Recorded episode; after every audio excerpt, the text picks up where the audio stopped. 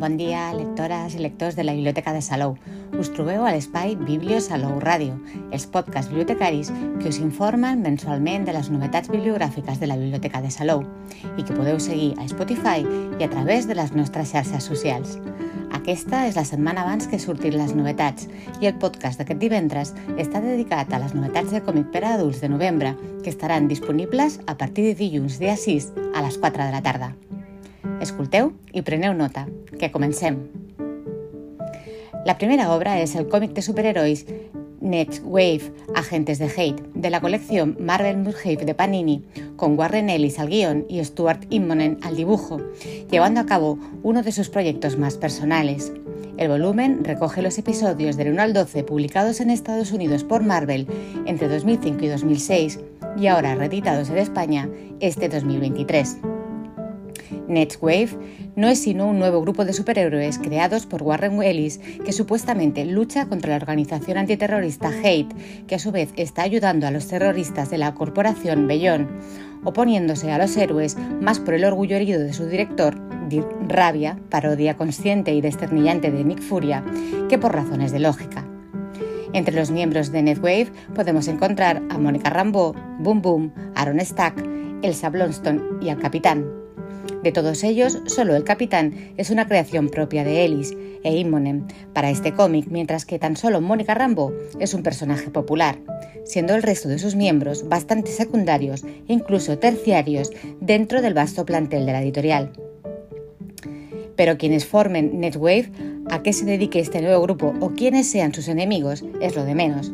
Y es que la grandeza de este cómic está precisamente en que estamos ante una constante y jocosa sátira del cómic superheroico que se prodiga por todas sus páginas.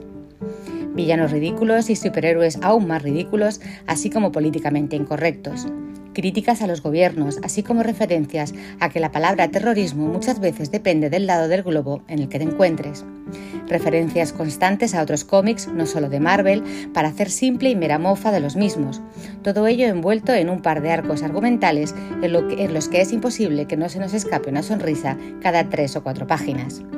Si en algo destaca Warren además de estar envuelto en escándalos legales que han terminado con la cancelación del autor, es en hacer un muy buen uso de la flema británica que le, caracteriza, al tiempo que se ríe de todo y de todos sin caer en el chiste fácil. En cuanto a Stuart Immonen, estamos ante uno de los mejores dibujantes del cómic superheroico, que en 2006, año en que se publicó el primer número de esta serie, estaba muy a poco tiempo de saltar a la fama por su trabajo en Ultimate Spider-Man, que no tardaría en llegar y que aquí imprime una fuerza especial a su estilo anguloso y dinámico. Ambos autores habían colaborado juntos en Ultimate Fantastic Four y, tenían claro que querían volver a hacerlo, pero en un cómic en el que no tuvieran injerencias de ningún tipo. Tal es la crítica constante que se realiza en esta serie, que siendo coetánea a Civil War, tiene un número que se incluye dentro de dicho evento.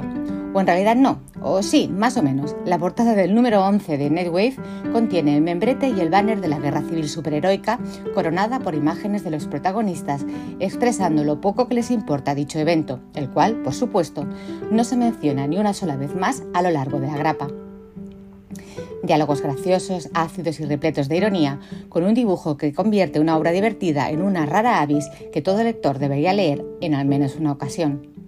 Esta obra tan solo había sido editada en nuestro país en otra ocasión, en dos tomos, tapa blanda 100% Marvel, sin que volviera a recuperarse hasta ese momento, en el formato Marvel Musgrave, que le garantiza, garantiza una vida editorial bastante más larga y duradera. La segunda novedad és la novel·la gràfica La propietat, amb guió i dibuix de Ruto Modan, publicat en català per l'editorial Finestres aquest abril. La senyora Regina Segal, de Soltera Watman, viatja amb la seva neta Mica des de l'Israel a la seva Varsovia natal, on no ha tornat des de que la va abandonar just abans de la Segona Guerra Mundial, per investigar sobre una propietat que suposadament pertanyia a la seva família.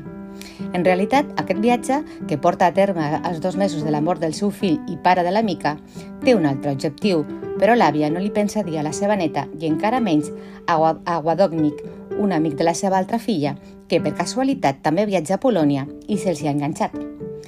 A Varsovia la història s'enreda força, amb l'aparició de nous personatges, però a causa sobretot de l'important secret que l'àvia Regina no vol revelar a la seva neta i, mantenir, i pretén mantenir ocult, encara a costa de, mentir, de mentir, com una bellaca.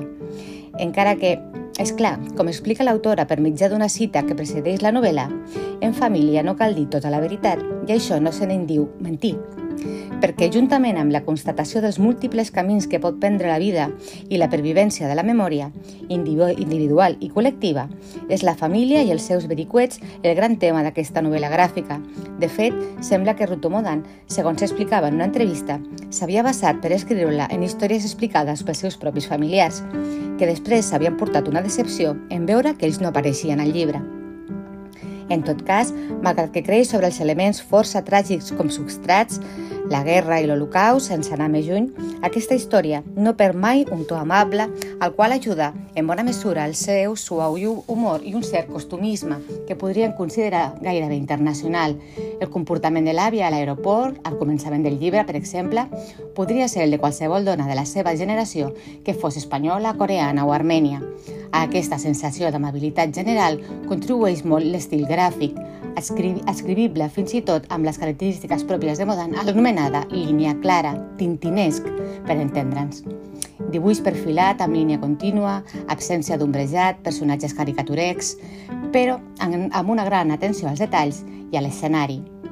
Una història, la d'aquesta gràfica, que resulta fet i fet entendridora i sensible, però gens monya. L'humor que hem, esmentat contribueix en gran mesura a que no ho sigui, tant en el seu aspecte més romàntic com en el familiar i fins i tot, per què no, un acostament entre jueus i polonesos, les visions del que va passar durant aquella guerra també difereixen una mica, segons explica Modan en aquesta entrevista. Tot sigui per l'amor, la família i els bons còmics com aquest. Pascal Rabater signa una exemplar faula política i amorosa sobre el pas de l'adolescència a l'edat adulta a Sota el Còdols, La platja, la nostra tercera novetat de còmic de novembre, publicat en guany també per l'editorial Finestres. El títol evoca un dels lemes més cèlebres de les protestes del maig del 68 francès. Sota els còdols, la platja, pregonaven els joves que demanaven més llibertats polítiques i civils. L'obra de Rabater adapta aquesta famosa divisa per donar nom a un relat emotiu que participa d'aquest intens desig juvenil de canviar el món. Tot i això, la nova obra de Pascal Rabater se situa en un altre temps i en un altre lloc, abans d'aquelles revoltes i lluny de París, el setembre del 1962, en un poble de la costa bretona. L'estiu és a punt d'acabar i els tres protagonistes d'aquesta història hauran d'abandonar les cases d'estiueig per tornar a les classes. Quan tornen a la ciutat, aquests tres fills de famílies acomodades reprendran el curs de les seves previsibles vides. Un estudiarà comerç, l'altre vol ser jutge i el tercer militar, com el seu pare. Però de moment esgoten els últims dies de vacances sense la vigilància dels pares i és llavors quan les seves vides faran un gir marcat per la irrupció de la vella i desconcertant Odet. Sota els còdols, la platja, és un relat sobre la política i l'amor, sobre el pas de la joventut a l'edat adulta, sobre com els camins traçats pel destí es poden canviar quan hi ha voluntat per fer-ho. Rabater mira la dècada dels 60, sovint mitificada, amb realisme, i el que aflora és un relat sobre les aparences, els codis socials, morals i sobre el pes de les expectatives que els pares posen sobre els fills un llibre vell i emotiu on el descobriment de la llibertat va unit al descobriment de l'amor i la sexualitat, on l'emancipació individual es combina amb el canvi social que proclama el moviment anarquista. Aquesta novel·la gràfica s'ha tractat tots aquests temes en lleugeresa i fundària alhora. Rabater utilitza l'anècdota per construir un relat ple de girs inesperats que cristal·litzen en una gran història d'amor que combina una trama policíaca i amb la crítica social, sobri i sense artificis, sensual i amb un punt d'humor. Rabater demostra un exemplar sentit de la narració en vinyetes, amb moments de pausa, enquadraments molt expressius, personatges ben retratats, l'aspecte físic i psicològic i paisatges evocadors realçats amb un intel·ligent ús, ús del color. També és excel·lent la manera com el dibuixant retrata el llenguatge corporal o plasma la bellesa d'un gest anudí. Pel que fa a la història, és un engranatge tan ben muntat que ni es nota la tramolla. Simplement, gairebé sense saber com el lector queda atrapat des de les primeres pàgines i no pot deixar el llibre fins al final. I tanquem presentant una nova col·lecció manga que irrompa a la biblioteca aquest novembre, Dan Dan, de Tatsu, Yu, Tatsu Yukinobu, publicada per Norma. Tuvo que pasar un año y un mes justo desde la emisión de su primer capítulo en Manga Plus hasta que Norma Editorial la puso en las estanterías traducida al castellano. Llevaba en las porras, listas, podcasts y esperanzas de publicación de la comunidad otaku desde el primer momento cuando tuvo una acogida sobrenatural de más de un millón de lecturas en solo dos días. Una serie que entra por los ojos a gran velocidad por su original y juvenil estilo, así como por su esotérica trama plagada de acción, humor y topping de amistad-amor juvenil. Unas historias de la vida menos cotidiana que uno puede imaginarse. Su, argumento, pues, Momo Ayase es una chica de secundaria que cree en los fantasmas, pero no en los extraterrestres, mientras que su compañero de clase, Ken Takakura, de apodo Okarun para Momo, cree en los extraterrestres, pero no en los fantasmas. En una apuesta para determinar quién tiene razón, los dos deciden visitar por separado lugares asociados con lo oculto y lo sobrenatural.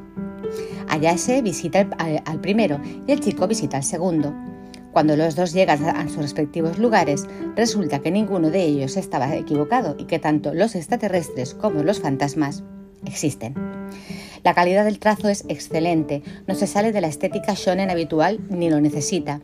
Crea un mundo de espíritus y alienígenas que se juntan en este estilo de una forma entrañable y maravillosa. El dibujo además juega mucho con la perspectiva, aprovechando pasillos y túneles para incluir un efecto de ojo de pez que es una delicia. La parte gruesa de Dandadan es para los espíritus, tomados del folclore japonés y de las leyendas urbanas, antes que para los alienígenas perturbadores. Dandadan está escrito e ilustrado por Yokinobu Tatsu. Comenzó a serializarse en la revista en línea Shonen Jump de Suseisha el 6 de abril de 2021. Suseisha ha compilado sus capítulos en volúmenes individuales. El primer volumen se publicó el 4 de agosto de 2021 y hasta el momento se han publicado 11 volúmenes. La serie se publica simultáneamente en inglés y español en el servicio Manga Plus de Suseisha y en inglés en el sitio web Shonen Jump de Biz Media. En junio de 2021, Dan fue nominado para la séptima edición del premio Next Manga Award en la categoría de Mejor Web Manga, resultando en segundo lugar de un total de 50 candidatos. La serie Ocupó el cuarto puesto en la lista de los mejores manga para los lectores masculinos del Kono Manga Ga Sugoi 2022 de Takarahimasha. Para julio de 2021, el manga había tenido más de 22 millones de visualizaciones en la plataforma Shonen Jump y para agosto de 2022 ya tenía 1.700.000 copias en circulación en todo el mundo. I bé, finalitzades les ressenyes dels quatre còmics novetats d'aquest mes, només ens queda recordar-vos que no oblideu que als catàlegs Argus i Atena de les biblioteques públiques de Catalunya podeu trobar més obres dels autors protagonistes del podcast d'avui i d'algun d'ells també a Bibliodigital. Així que si esteu interessats i interessades en saber més coses d'ells i la seva obra, doneu un cop d'ull a les xarxes socials, perquè la majoria hi són presents. I fins aquí el podcast d'avui. Ens retrobem el divendres abans de les novetats de desembre, a les 11, per parlar de nous còmics per adults. Que tingueu molt bon dia i molt bones lectures que us acompanyin en el dia a dia.